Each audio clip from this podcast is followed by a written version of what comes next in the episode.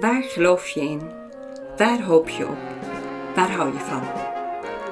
Mijn naam is Janneke Ruis en ik ben predikante van de Protestantse Kerk in Nederland. Geloof, hoop en liefde.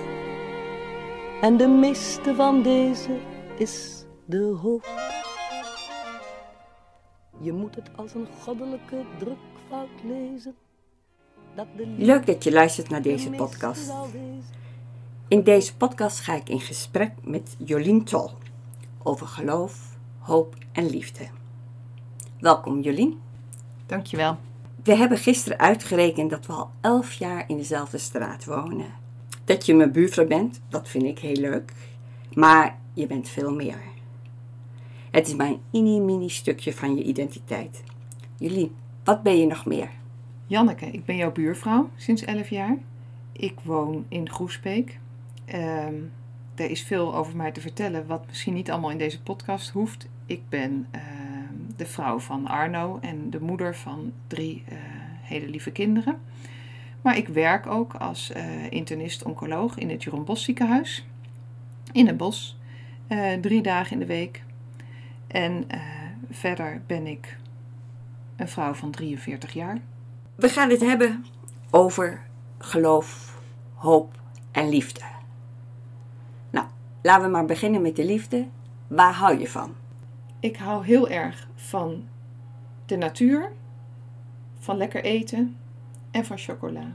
Hé, maar Jolien, we willen het hier niet over de liefde hebben. We willen het vooral over het geloof hebben, hè?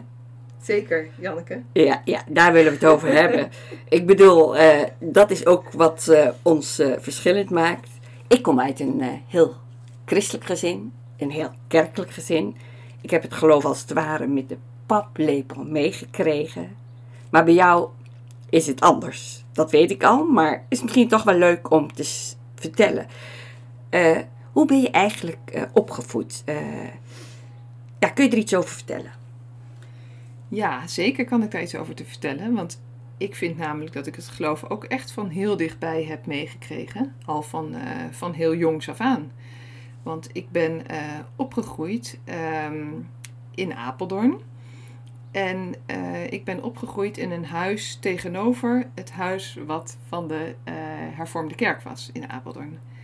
Dus daar woonde altijd het, de dominee met het domineesgezin. Die noemden we ook altijd de dominee. Eh, dus het geloof was voor mij heel dichtbij.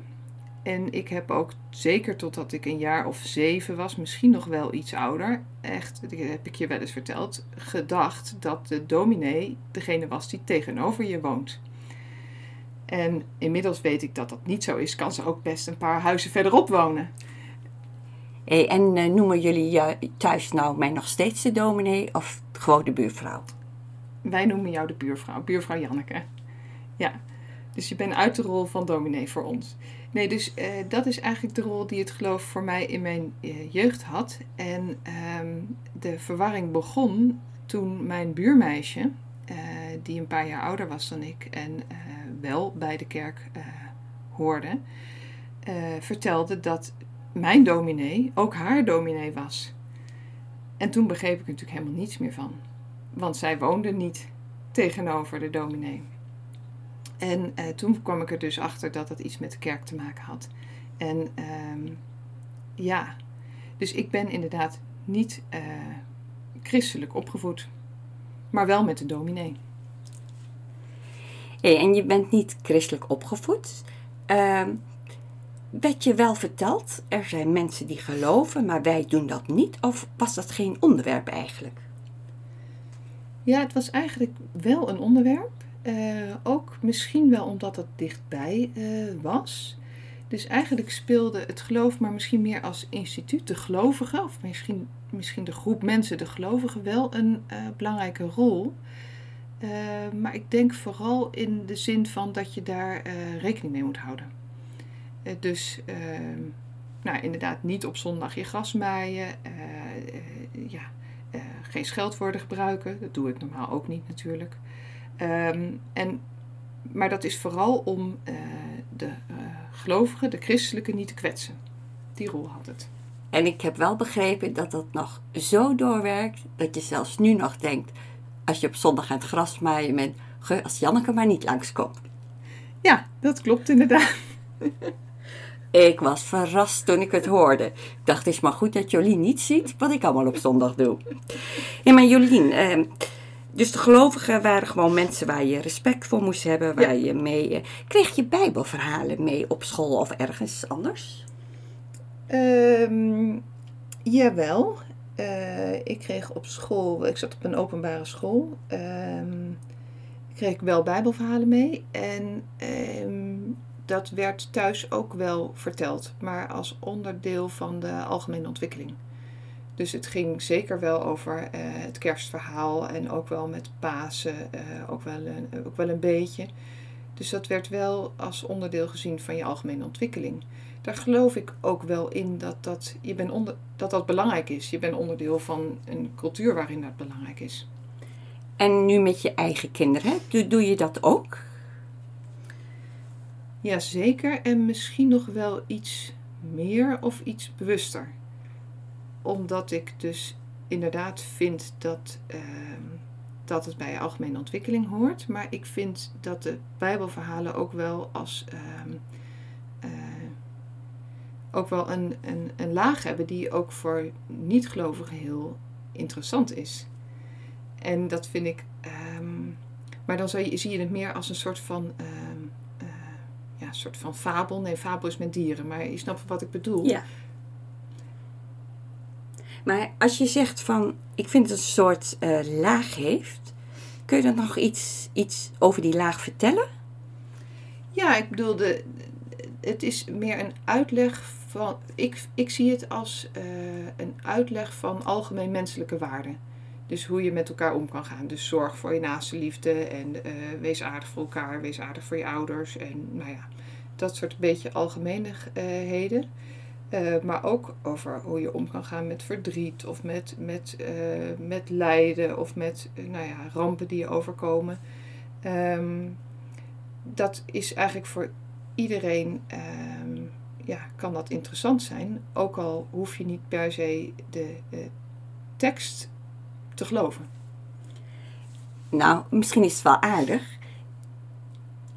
Hoe ik met bijbelverhalen omga, is helemaal niet zo ver weg zo als wat jij vertelt. Dat is interessant. Kan je daar wat over vertellen? Ehm, ja, Eh, voor mij zijn die verhalen van grote betekenis. Maar ik denk dan dat we ze gekregen hebben om juist beter te leven. Ik, een van mijn motto's is wel van dat deze wereld eenmaal hemelsbreed goede aarde zal zijn. Dat komt uit een lied.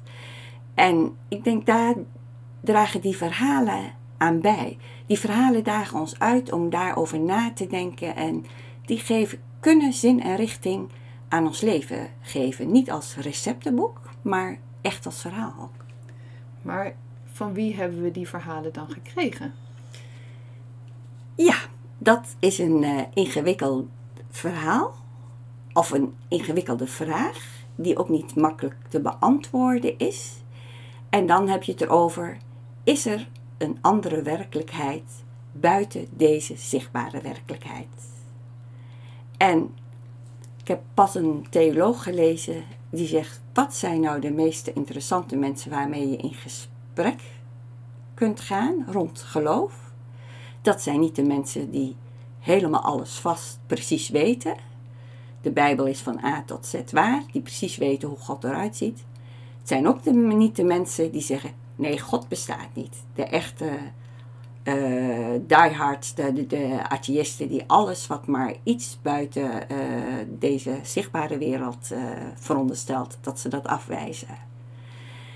En als je zegt van wie heb je dat gekregen, is het dat gewoon uit de hemel zo gedropt? Nee, dat geloof ik niet.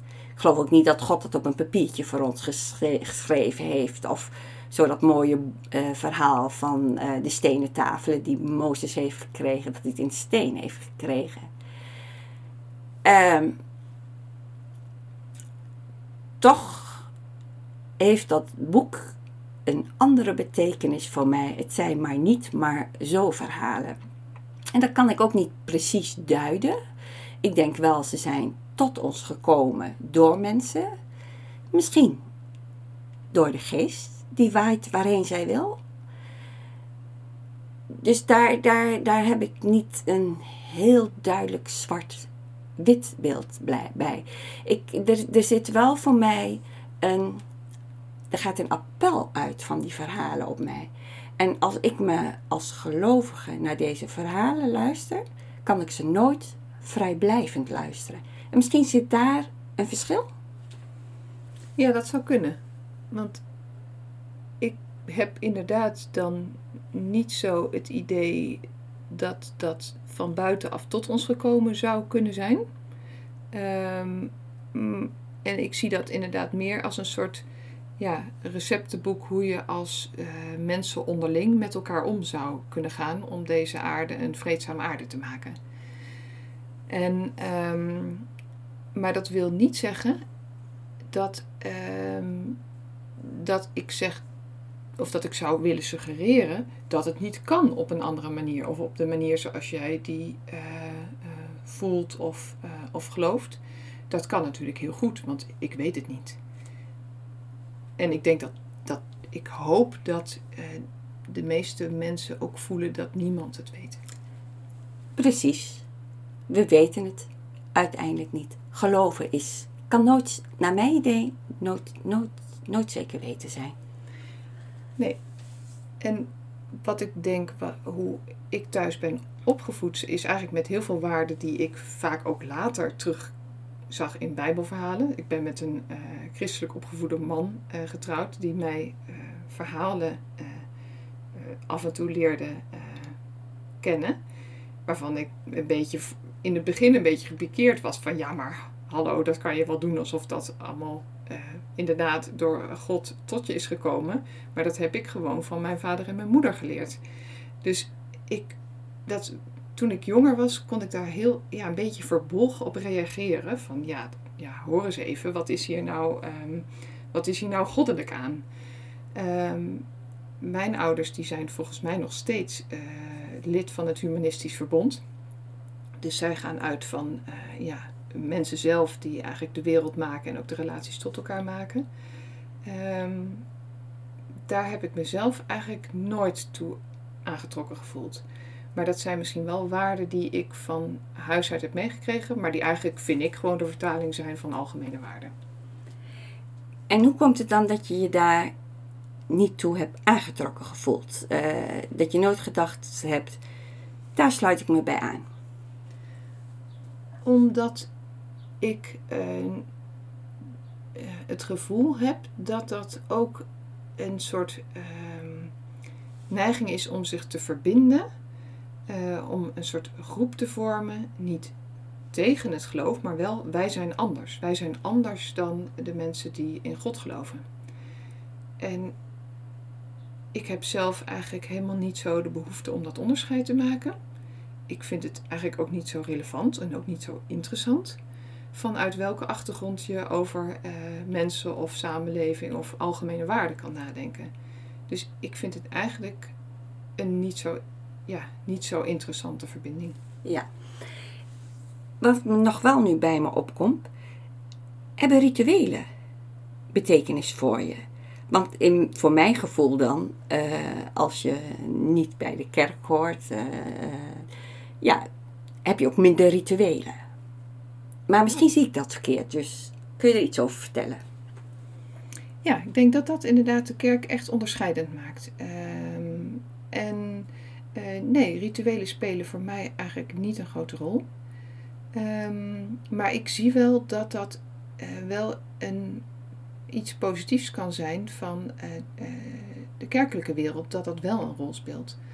Want het maakt je ook wel bewust om ja, bepaalde markeringen aan te geven in je eigen leven of in, of in de dag of in het jaar. Of het, het dwingt je om bij dingen stil te staan. Dus het, het heeft, als ik heel eerlijk ben, voor mij persoonlijk geen grote rol. Maar ik zie wel de waarde ervan. En Jolien, als je doodgaat, dan Gaan je moleculen gewoon weg, weg? Of hoe, hoe voelt dat? Eh, ja, als ik doodga, dan, eh, dan, eh, ga ik, dan ga ik weg, zeg maar. Dus dan ben ik er niet meer. Ehm, en dan hoop ik een beetje dat ik als nagedachtenis overblijf. Dus dat hoeft niet per se iets, hoeft niet per se een geest of iets fysieks te zijn. Maar ik, ik hou me er een beetje aan vast dat ik dan voortleef in de nagedachtenis van de mensen die nu dicht bij me waren. Is een hele Joodse gedachte ook, hè? Dat zegt, zolang je naam nog maar klinkt, zolang je nog herinnerd wordt, blijf je leven. Ja. En je zegt, dat hoop je? Nou, prachtig. Geloof, hoop en liefde, we hebben ze alle drie gehad. Kan niet mooier. Jullie, ik heb hier een eh, kaars neergezet en eh, met daarbij twee kleine kaarsjes. En je mag een kaars aansteken en dan mijn vraag, voor wie of wat zou jij een kaars willen branden? Nou, dankjewel. Dat vind ik mooi om te doen.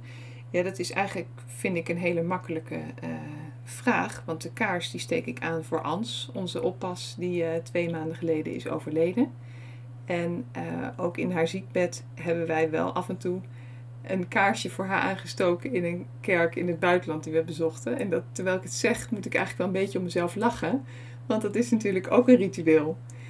En het is heel grappig. Ik had het zelf eigenlijk nooit gedaan. Ehm, maar de kinderen die vragen erom.